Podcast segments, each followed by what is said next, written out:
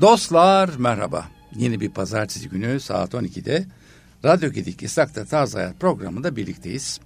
Karşımda bir konuğum var her zaman olduğu gibi. Değişik bir konuk, değişik derken yaratılış olarak değişik bir konuk. Yoksa yaptığı meslek çok klasik, çok güzel, hepimizin bildiği ve hepimizin takdir ettiği ve seyircisi olduğumuz bir meslek. Ana mesleği bu çünkü bir sürü iş daha yapıyor kendisi. bir sürü kabiliyeti daha var. Ee, ben uzatmadan hemen takdim ediyorum. Karşımda Erdem Topuz. Hoş geldin Erdem. Hoş bulduk sevgili İshak. Nasılsın? Gayet iyiyim. Sen de yapacağım sohbetten sonra daha da iyi olduğuma eminim. Nasıl ben, ne kadar klasik olacağım. bir laf bu ya. Allah'ım ya Rabbi niye bunu söyler insanlar? Seni gördüm daha iyi oldu falan. Yani evet değerli izleyiciler tek benim memnun olduğum şey sizin şu anda beni ve bizi dinliyor olmanız. Evet. Bundan daha memnuniyet verici bir şey olamaz. Bizler kahvelerimizi eğer e, sizler de koyduysanız e, birlikte yudumlamaya başlarken işte bir kahve içimi kadar bir sohbet yapacağız. Böyle kahve kıvamında e, herkes bunu daha önceden de bildiği için çok mutluyum. E, Erdem çok yönlü çünkü e, oyuncu, rock solisti, yönetmen, besteci, söz yazarı, yani böyle bir dizi sanatsal e, kabiliyeti e, sahneye koymuş bir kişi. Yani kimisi bunu içinde saklar, kimisi ben öyleyimdir evinde banyoda şarkı söyler de bunu sahneye taşımış. E, Erdem ne güzel yapmış bence. Ve e, seçtiği oyunlar da dikkat ediyorum. Hakikaten hmm, çok klasikler. Eee yani başkaları oynamış olsa hatta başarılı bir şekilde oynamış olsa bile e, ben de oynarım. Evet farklı bir yorum getiririm. Bakalım benim yorumum nasıldır diye düşünüp sahnelemiş bir kişi.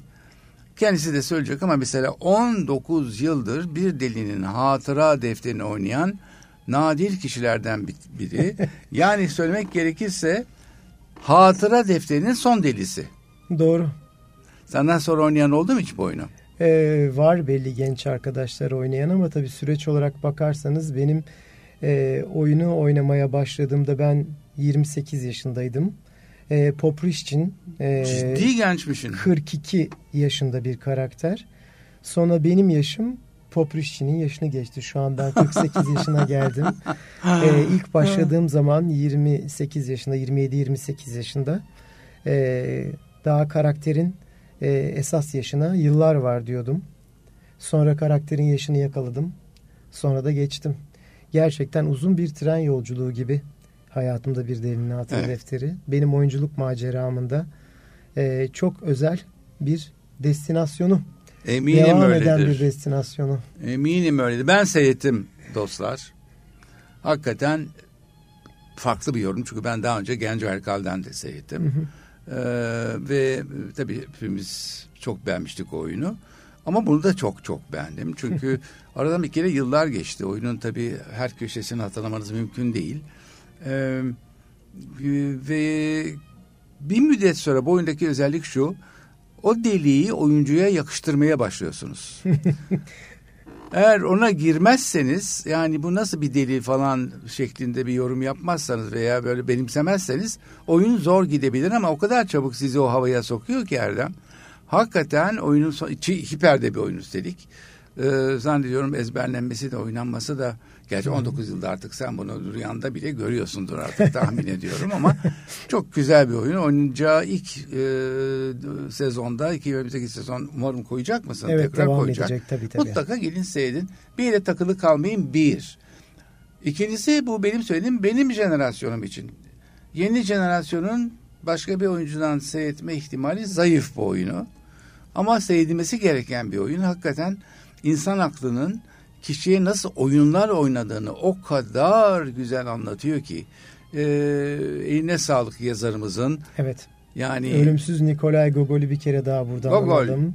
Yani e, Gogol'e layık olmak bence burada yani onun sanat dehasına layık olmaya çalışmak başlı başına çok büyük bir cesaret ve yolculuk. Ee, ama oyuncunun bu kendi kendisiyle kapışması bence bu mesleğin özünü, nüvesini oluşturan en önemli dinamik diye düşünüyorum. Ee, ben de Gogol'e layık olduğumu düşünüyorum. Ben de eminim. İnan bana çok güzel bir oyundu. Ee, Tebrik ediyorum. İlk önce olmayın. Tabii yıllar önce gösterdiğin cesaret için sonra bu cesareti hala sürdürdüğün için yani şaka değil bu. Gerçekten bu yeni arka yeni yeni bir e, jenerasyon seyrederse en azından bu oyunu seyretmiş olur. Ya tiyatroda bir kült bu. Evet. Yani bu, bu oyun bir tek kişi Kült oyun. özelliği taşıyan bir klasik. Bravo. Doğru. Kültlük özelliği evet, taşıyor. Öyle, Sadece aynen. klasik olmakla kalmıyor. Yalnız klasik ee, değil. Her evet. kült klasik olmaz ama bazı klasikler kült özelliği taşıyabilir. Bir derin hatıra defteri. Ee, özellikle Poprişçi'nin dünyası için bunu kesinlikle söyleyebiliriz. Katılıyorum. Ne hoş. Şimdi tabii olay bir derin hatıra defteri üzerine dönmeyecek. Çünkü o oyunlarından bir tanesi. Ee, mesela bu sene sahneye koyduğu fakat bana maalesef kısmet olmayan bir mezarcı oyunu var. ee, yine e, bir müddet önce sahneye koyduğu ama e, benim e, hayretle e, bu oyun nasıl olabilir acaba diye e, seyretmeye gitmek istediğim ama yine de başaramadığım Fareler ve İnsanlar oyunu bu var. gelirsiniz. Bu sene inşallah. inşallah niyetim var.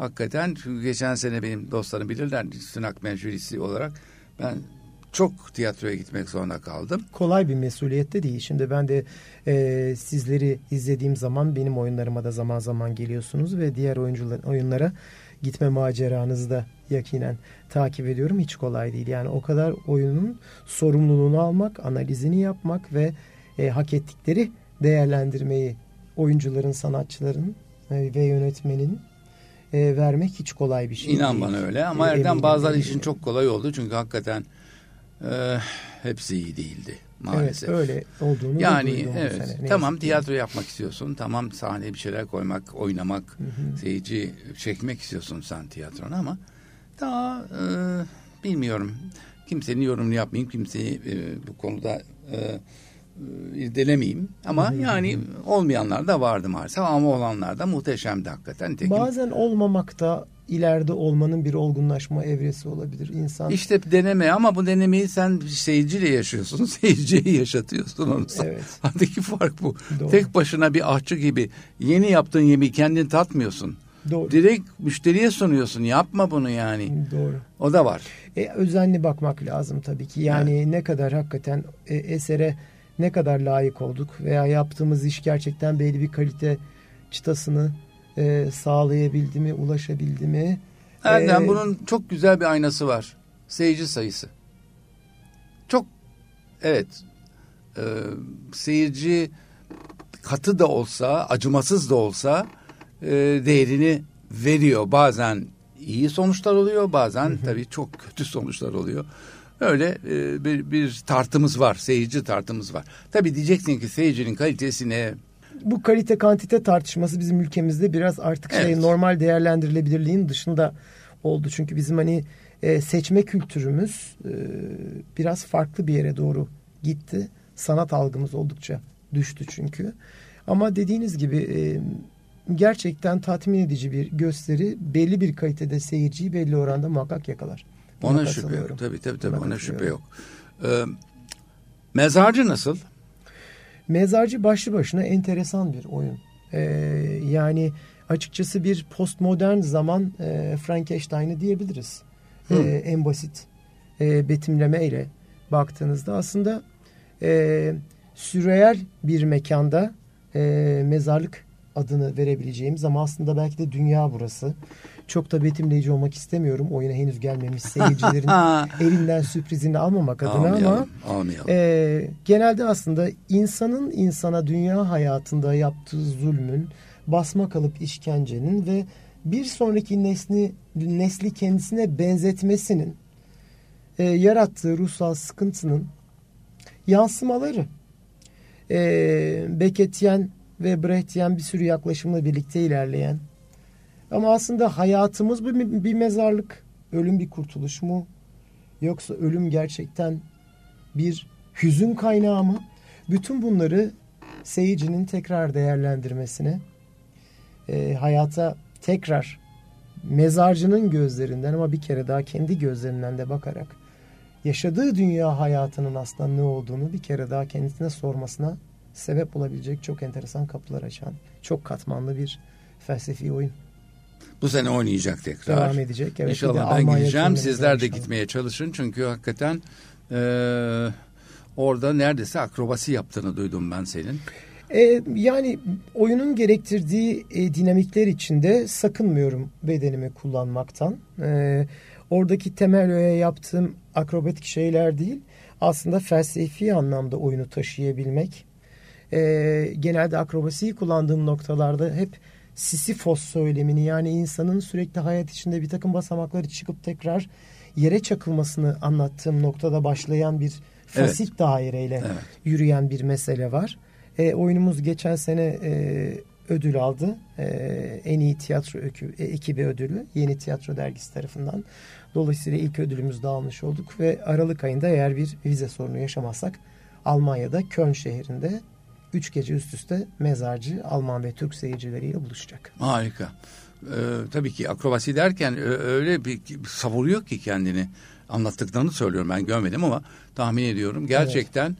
yani e, umarım sakatlanmazsın yani. E, şöyle yani e, ben sonuçta e, fiziksel denge açısından e, vücudumun bütün hassasiyetlerini e, ve jimnastik kullanım sınırlarını iyi bilen bir oyuncuyum. Güzel. Ee, size gösterdiğim şeyin sertliği sizi yaralamak adına önemli. Ben aynı oranda yaralanmıyorum. Ha. Size öyleymiş gibi hissettiriyorum. Ha, çok hoş, çok hoş. Yani atladığım yükseklik bir gövde üstü çakılma hissini veriyor size ama ben kendi bedenimde onun önlemini almış oluyorum. güzel. Sevdim bu ifadeni. İnşallah güzel bir e, sezon geçirirsiniz tekrar. Çok teşekkür Dolu ederim. Dolu sıralar temenni ediyorum. Evet. Tiyatrocunun en büyük hayali dolu sıra ve alkış. Evet. Anlayan, anlayan, seyirci. seyirci. Çok döne döne aynı yere gidiyoruz. evet. Anlayan seyirci. Anlayan Doğru seyirci. yere konumlandırabilen. Çok güzel. Yok seyircimizin giderek bence ne olursa olsun bir kere genç nesle çok e, e, yansıdığını görüyorum. Seyittim çok oyun e, oldu ve seyircisine e, dikkat ettim, analiz etmeye çalıştım. Hakikaten çok genç var. Çok, evet. Çok genç. Dönüş var tiyatroya yani seyirci olarak. Kesinlikle evet. Yani sonuçta bu televizyon sektörünün bize sundukları gerçekten bir yerden sonra bir e, basma kalıplaşma ve sıkıntı hali yaratmaya başladı. Artık bunun herkes de farkına vardı herhalde. Evet. E, hiçbir şey dünyanın en eski sanat dalının yerini tutamaz. Kesinlikle. Yani 3000-4000 yıllık Kesinlikle. bir sanat dalından bahsediyorsanız Tabii Bunu ne ki. sinema ne televizyon yerine doldurmaz. Tabii hatta daha bile eski diyebilir miyiz? Çünkü amfi, amfiteyatrolar Tabii. E, çünkü öyle Milattan ifade ediyor. Önce 5000'e kadar yani insanların evet. tabii animizm inançları ve e, karınlarını doyurma alışkanlıklarının anime edilmesi üzerinden Tabii ki. E, başlayan e, bir yolculuk insanlık tarihiyle yaşıt olduğu için de dünyanın en mistik sanat dalı din adamla gibi bir şey. Çok kısa nasıl bu olaya bulaştığını anlayalım bari. Bu bir varoluş durumu aslında. Yani ben çok küçükken e, ilkokulda falanken de böyle bir takım herhalde kendimi göstermek ve bu şov işinin bir parçası olmayla ilgili bir dışa vurumum vardı benim. Yani bu hmm, yanlış betimlemek de istemiyorum ama fotoğraf çektirirken bile böyleydi. Yani hmm. bir bütün sınıf bir yana. Evet. Yani Erdem başka bir yana. kavuşturarak. evet, yani ne güzel ya. Bu bir kendini gösterme dürtüsü Tabii, gibi bir şey. Ama çok doğru. bu iyi niyetle. Güzel ifade ettin ama onu herkes söylemiyor. Değişik. E, tabii yanlış anlaşılmaya da açık bir şey olabilir ama bu ne dürüst Hayır olmamız canım, lazım. Oğlum, Bizim, dürüst tiyatrocu olmanın evet, birinci oyuncuların şeyi. Oyuncuların özünde farklı olduğuna inanma ve dünyaya farklı bir mesaj vereceğiyle ilgili bir öz hissiyat oluyor. Çok doğru söylüyorsun. Ama bu hayatta karşılık bulur veya bulmaz. Bazı insanlarda bu potansiyel vardır üstüne gider bazı pes eder ama e, sıra dışı bir durum olduğu tartışmasız. Yani hayata karşı tutumda dışa vurumlarda bir dikkat çekicilik var. Bunu bakan görür görmez veya e, bu gerçekten yetkin bir el tarafından yeşertilir, büyütülür ne hala. Benim de herhalde e, ortaokul yıllarında Amerikalı tiyatro hocamla karşılaşmam ve beni o zaman sahnelediği müzikallerde çok küçükken oynatmaya başlaması benim gerçekten en büyük rehberim olmuştur. Çünkü ben 13 yaşında İngilizce müzikal oynayarak başladım tiyatroya. E, Broadway müzikallerini oynuyorduk. E, ve onun getirdiği cesaret çok küçük yaşta bunları yapıyor olmanın getirdiği cesaret yapabilme ile ilgili özgüvenimi çok üst bir çıtaya taşımıştı. Sonraki süreçte de korkmama ve cesur olma ile ilgili bir düstur gelişti bende. İnandığım şeylerle ilgili korkusuzumdur ve kafaya koyduklarımı genelde bedelini ödemek kaydıyla yaparım. evet. Her zevkin bir bedeli var derler. Çok doğru evet. bir laftır. Orayı es geçmemek lazım çünkü. Harika. Senin yurt dışı e, oyunların da oldu evet. bildiğim kadarıyla. Evet. En Hatta... enteresan tabii. E, ilk e, Oidipus Nerede ile başladık. E, Şahika Tekant'la. Evet. E, ilk profesyonellik yılında Delphi Antik Yunan Uluslararası Tiyatro Festivali'nde önce İstanbul Tiyatro Festivali'nde sonra Delphi'de sahne aldım. E, Oidipus oyunuyla. Yani Aa, Yunanlara Antik Yunan oyunu oynadık ya. Türkçe. Sonra Japonya. E, akabinde bir Delin Hatıra Defteri sürecinde e, Rusya'ya iki turne 2014 yılında Arkhangelsk Lomonosov Uluslararası Tiyatro Festivali'nde bine yakın Rus seyirciye Türkçe bir Delin Hatıra Defteri. Bir yıl sonra Yalta Anton Çehov Uluslararası Tiyatro Festivali'nde yine Türkçe. Onda da zaten en iyi Rus klasiği yorum ödülünü ülkemize getirdik. Harika. E, bu iki gösteri Harika ya ne güzel için. yani ne güzel nasıl bir tatmin bu ya. İnanılmaz yani evet ama onun devamının ben Türkiye'de aynı yansımalarla e, olmayacağını biliyordum. E, o yüzden de pek de büyük bir hayal kırıklığı olmadı buraya döndüm. Evet burada yani. futbol e, değilse şayet şampiyon olan hiç kimseye bir e, şey yok. Doğru. E, faydası yok. Doğru gerçekten yani faydası muhakkak vardır tabii ki ama ruhsal karşılığı, ruhsal tatmin karşılığının aynı olmayacağını biliyordum. O yüzden de buranın gerçeklerini bildiğiniz zaman ona göre davranıyorsunuz. Hmm, Demeliyim. Çok, çok, çok doğru. Çok doğru. Ve e, önümüzde bu tip projeler var mı? Evet, şimdi mezarcı oyunumuz e, Almanya'da oynayacak. Eğer bir vize sorunu yaşamazsam. E, ve diğer oyunları da elbette. Bu arada ben Rusya'dan davet almaya devam ediyorum. Bir de çünkü bizim Oblomov oyunumuz var yine ödül aldığımız Türkiye'de. Oblomov da Rusya'ya çağrıldı fakat pandemi oldu. Pandemiden sonra e, finansal koşullar çok değişti. E, kültür biliyorsunuz bizim ülkemizde çok desteklenmediği için e, maddi anlamda bunları hep siz yapmak zorunda kalıyorsunuz. Hmm. O zaman da yurt dışından gelen davetleri bile bazen kabul edemeyebiliyorsunuz ne yazık ki. Yani bu sizin yapabilirliklerinizle değil ortamın imkansızlıklarıyla sınanan bir saçma süreç aslında. Hayatımız bir absürt tiyatro. Beketyen bir tiyatro aslında Türkiye'de. Çok haklısın. Ama yapacak şimdilik bir şey yok. İnşallah evet. ileride bazı zihinler açılır, bazı düşünceler farklılaşır, verilen değerler iyicene ayrıştırılır ve bu layık olduğu yere gelir diye hani böyle temennilerde bulunalım şimdilik. Değerler sistemimizin bir elektriklenmeye ihtiyacı, ihtiyacı var. var. Kesinlikle, kesinlikle. Peki e, yeni oyunlar var mı? Yeni bir komedi oyunumuz olacak. Bir metin var onun üzerinde çalışıyoruz. Henüz çok kristalize olmadı henüz. Ee, çalışmalarına başlamadık. Ee, normal klasik oyunlarımız e, Mezarcı, Fareler ve İnsanlar e, devam edecek. E, bu sene e, yeni komedimizde eğer perde açarsa üç oyunla tekrar yine birlikte olacağız. Bu arada Oblomov'a geri dönmeyi düşünmüyor değilim ama e, tekrar kadroyu toparlama ve çalışmalar yapmamız lazım tabii. Bütün bunlara da tabii maalesef bir maddi destek ile olsun diye Muhakkak, bekliyorum. Maddi manevi yani manevi tarafında da Dur zaten. ilk önce maddi bir saniye koy manevi alacağız sonra. Evet ama şey süreci de var. Bu maneviyatın çalışma süreci de oldukça Öyle mi? zahmetli. Ha, bunu bilmiyorum. Tabii ki. Bir oyunun ara verilmiş bir oyunun sahneye konma süreci de çok hızlı işlemeyebiliyor. Çünkü bunlar çok incelikli klasikler ve gerçekten nüanslarını ıskaladığınız zaman, incelikli yansıtamadığınız zaman, yönetmen olarak kafanızdaki dünyayı yansıtamadığınızı hissettiğiniz zaman o zaman kendinizden memnun olmuyorsunuz. Kendinizden memnun olmadığınız zaman huzursuzluk başlıyor. O bir mükemmeliyet çıtası var kafanızda düşündüğünüz ve esere layık olmayan bir şeyi ben yapmamalıyım niye böyle olsun, neden eskisi gibi olmasın gibi mücadelelerle yürüyen bir iş. Peki yani ben yaptım oldu bir olay olmadığı için onun huzursuzluğunu duymazsanız zaten sanat ileri gitmiyor.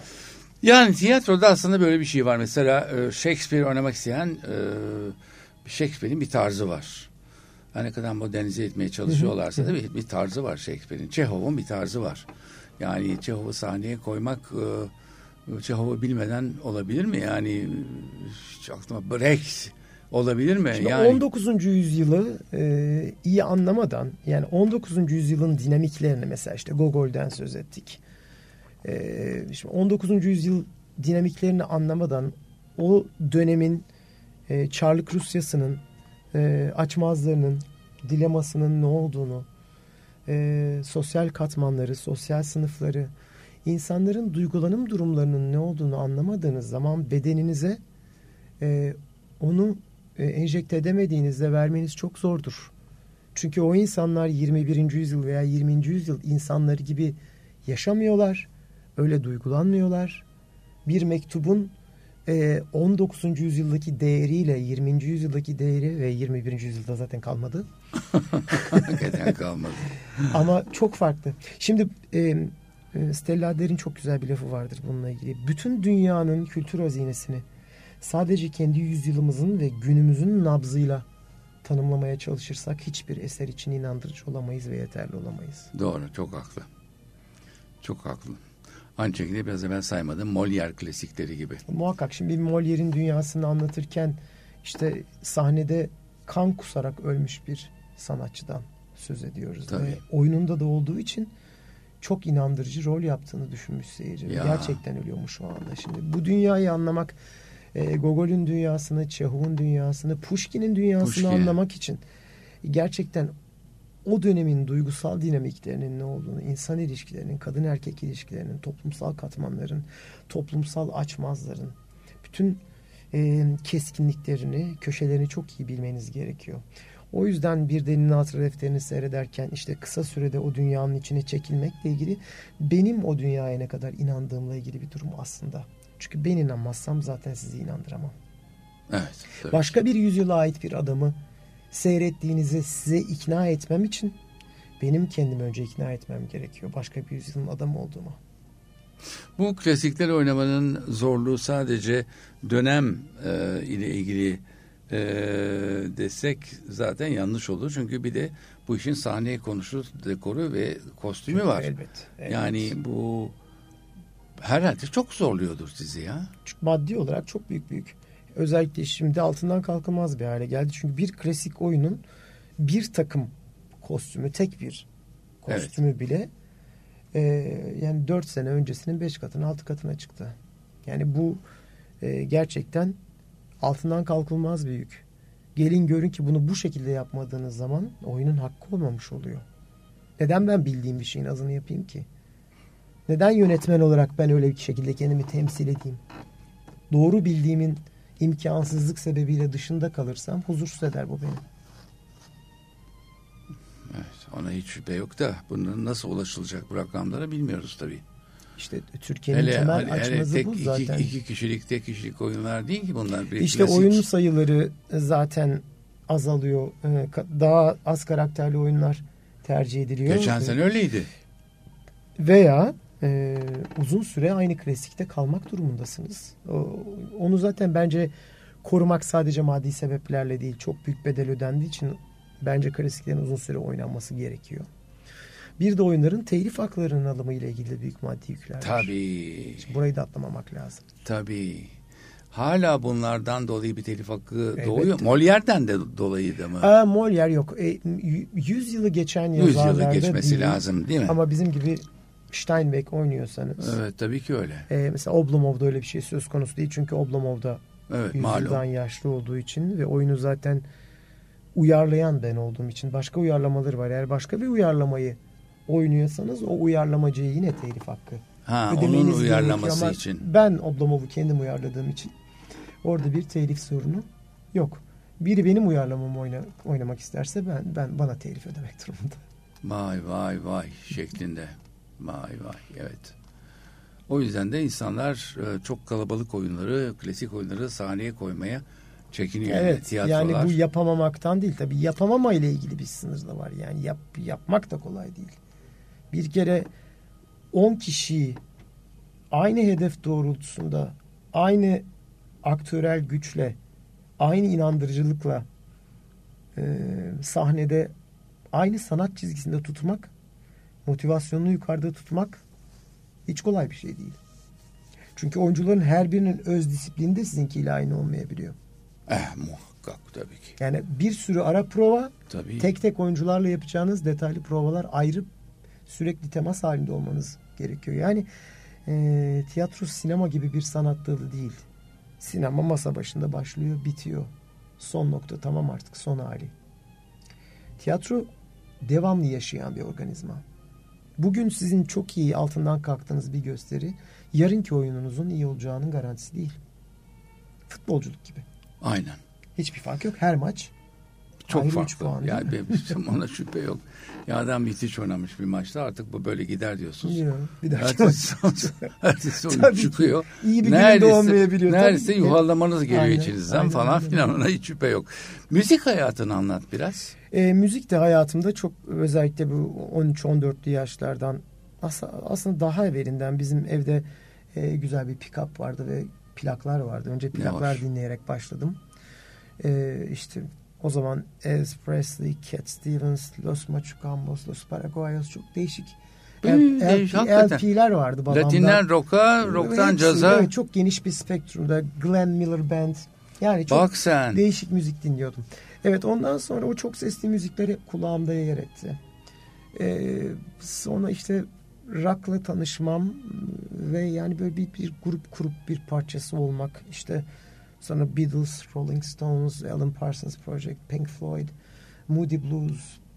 Yani oradan rock'tan daha hard and heavy metale uzanan bir çizgide uzun süre dinledikten sonra kardeşimin de müziğe çok merak sarması ile birlikte bir rock grubu fikri oluştu. Ve işte gitar dersi almaya başlamamızdan çok kısa bir süre sonra besteler yapmaya başlayınca o zamanki gitar hocamız yani isterseniz bunları bir prodüksiyona dönüştürelim çocuklar. Çünkü sizde yaratıcı, yaratıcılık hızı öğrenme hızınızdan daha ileri de şu anda ve bunları ziyan etmeyelim dedi. Sağ olsun Melih Güzel. Şu anda da Marmara Üniversitesi'nin gitar doktoru. Aslında o da e, rock menşeilidir. Sondan klasik müzik daha yoğunlaştı. Klasik ve cazda. Ve ilk bestelerimizin aranjeleri başladı. Sonra 2000 2004 yılında e, stüdyo çalışmaları ve 2005'te de albümümüzü, ilk albümümüzü bitirmiştik. Boş Duvarları.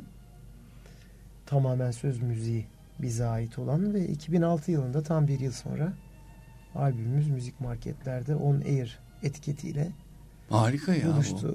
bu. Ay ne keyif. Ve ilk klibimiz tabii ondan sonra televizyonlarda dönmeye başlayınca bir anda bambaşka bir kulvarda da çok faal hale Solisti sensin. Geldim. Solist evet şarkı sözleri ve müzikleri kardeşimle bana ait. Beş kişilik bir böyle biraz da Alan Parsons. Bulabilirler mi bir yerlerde bunu? Elbette elbette.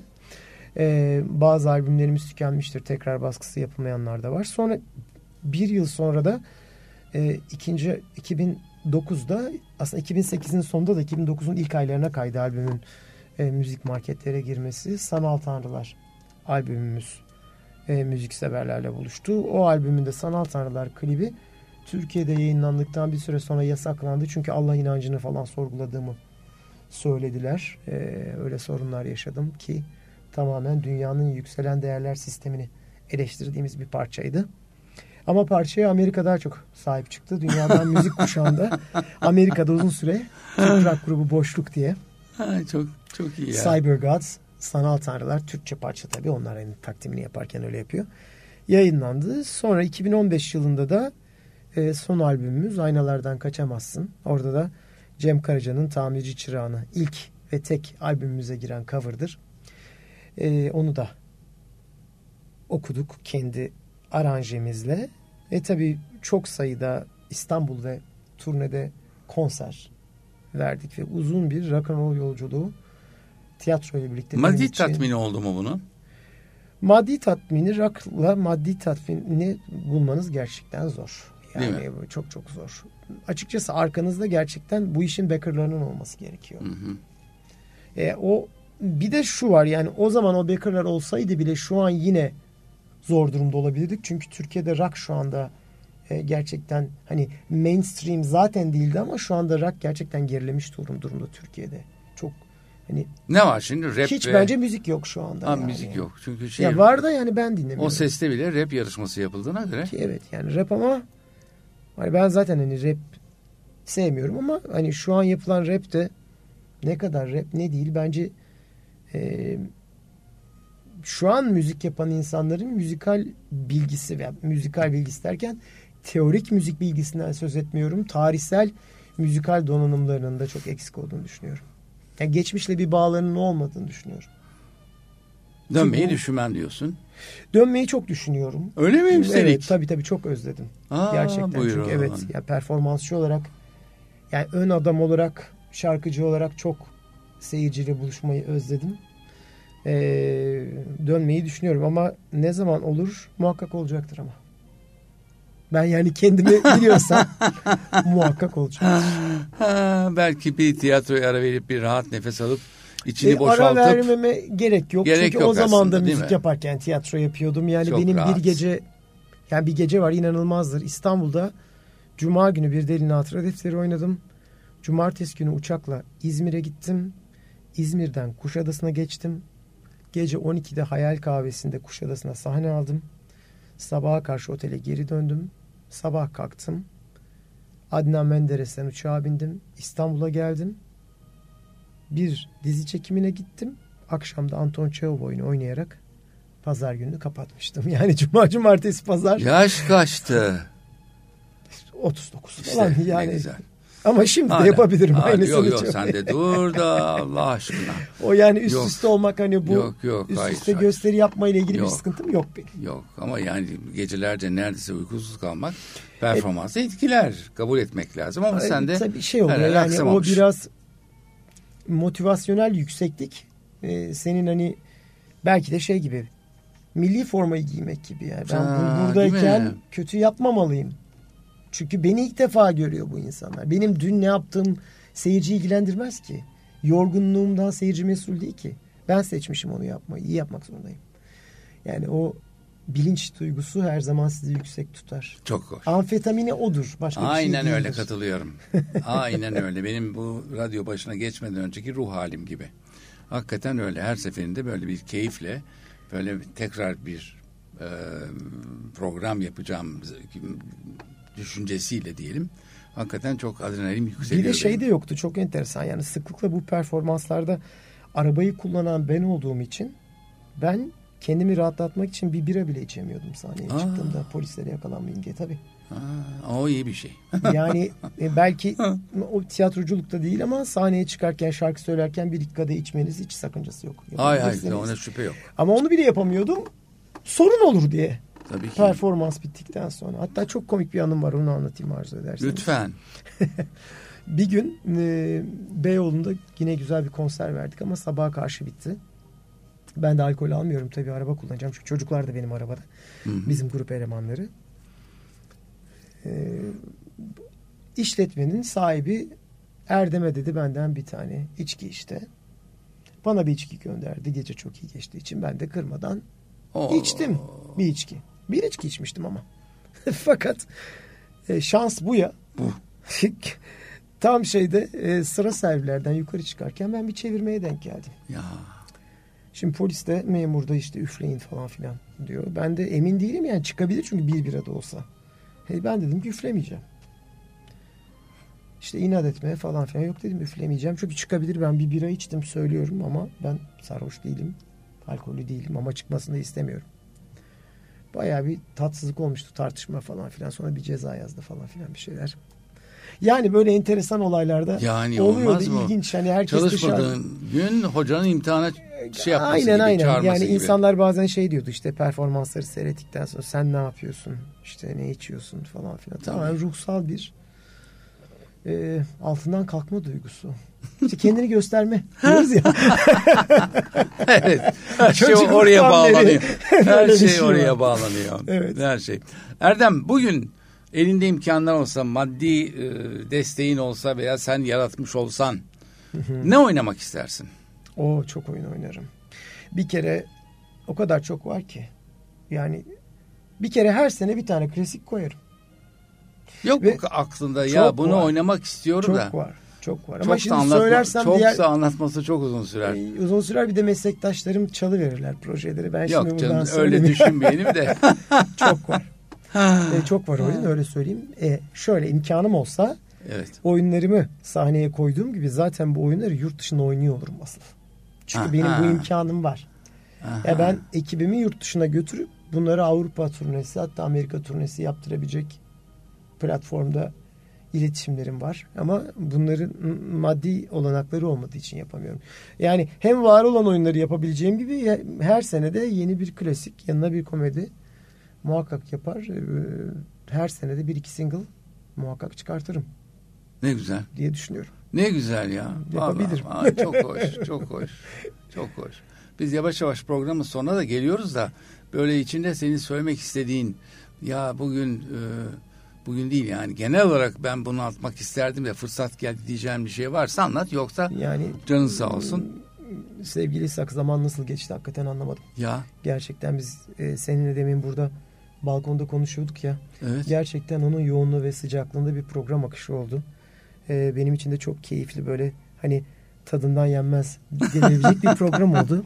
Kahve yüzden, sohbeti işte evet, ya. Evet evet. O yüzden yani bir şunu da söyleseydim demiyorum. Bütün e, halkımıza, sanatseverlere, e, canlı sanat dalının, tiyatronun ve bütün canlı sanat dallarının e, yanında olmalarını, destek olmalarını ve bunun gerçekten çok büyük bir fedakarlıkla vücut bulan, hayat bulan e, çok farklı bir sanat dalı olduğunun bilincinde olmalarını e, rica ediyorum kendilerinden. Oyunlarda çok daha saygılı, dikkatli e, olmalarını ve bunun gerçekten hepimiz için, ülke sanatı için bir lütuf olduğunu akıllarından bir an olsun çıkarmamalarını rica ediyorum. Yani Tamer Levent'in dediği gibi sanata evet. Evet her zaman. Her zaman. Bak bugün de seni andık. Tamer Üstad görüyor musun? evet. Geçen de çünkü benim bir şeyimi dinlemiş sağ olsun. Ee, çok hoşuna gitti tabii. ee, orada da böyle bir mesaj attı bana falan. Ee, devam et şeklindeydi. Evet mesaj. umudu kaybetmiyoruz yani. Devam et yani olsun. bunu bunu söylemeye bunu söyletmeye devam et diyordu. Hakikaten sanata evet. Ona hiç şüphe yok. İnşallah herkes bunu bu şekilde kabullenir. Büyüklerimiz bu şekilde kabullenir. Bakın geçen sene mesela çok büyük bir deprem geçirdik. Depremden sonra ben bir ay sonra sahneye çıktım. Çok zordu dönmek. Psikolojik olarak da çok zordu. Üf, tabii ki. Ama yapmak zorundaydık bunu. Yani bunu bir takım eleştirmenlerle de konuştum. Yani bugün sahneye çıkıyor musunuz? Nereye kadar dedim. Yani kendimizi bir battaniyenin altında saklayarak e, bir depresyonun tamamen esiri haline getirerek nereye kadar yaşayabiliriz? Biz bizim sanatımız zaten canlanışı, varoluşu ve doğuşu sembolize ediyor. O zaman bir ölüm varsa ortada onun zıttına bir hareket bizim tarafımızdan yapılmak zorunda. Ne güzel söyledin. Aynen öyle. Herkes öyle e, güzel, anlamlı düşünebilse bu konularda ama çok düşünenimiz var. Sağ, sağ olsun sanatçılarımız bu konuda mümkün olduğu kadar ellerinden geleni yaptılar. Ben buna inanıyorum. İnşallah bundan sonra da yaparlar. Fedakarlıkla ve desteklenerek, evet. manevi olarak desteklenerek, evet, aynen anlaşılarak evet. yola devam diyelim. Doğru. Dostlar kahveniz bitti mi bilmiyorum ama bizimki bitti. Yeni bir kahve koymayacağız. Dolayısıyla biz sizden bugünlük ayrılmak durumundayız. Ben Gelecek İstakta tarzı hayat programına kadar hepinizi sevgide, sağlıkta, heyecanda, tiyatroda ve tiyatro koltuklarında bırakıyorum. Evet, Dionysos Tiyatro'dan Genel Sanat Yönetmeni Erdem Topuz ben de hepinize esenlik dolu, güzel, sanat dolu, keyifli günler diliyorum. Yeni sezonda e, salonlarda yeniden buluşmak üzere değerli alkışlarınızı özlemle hatırlıyorum ve yeniden buluşacağımız günleri bekliyorum efendim. Hoşçakalın. Hoşçakalın.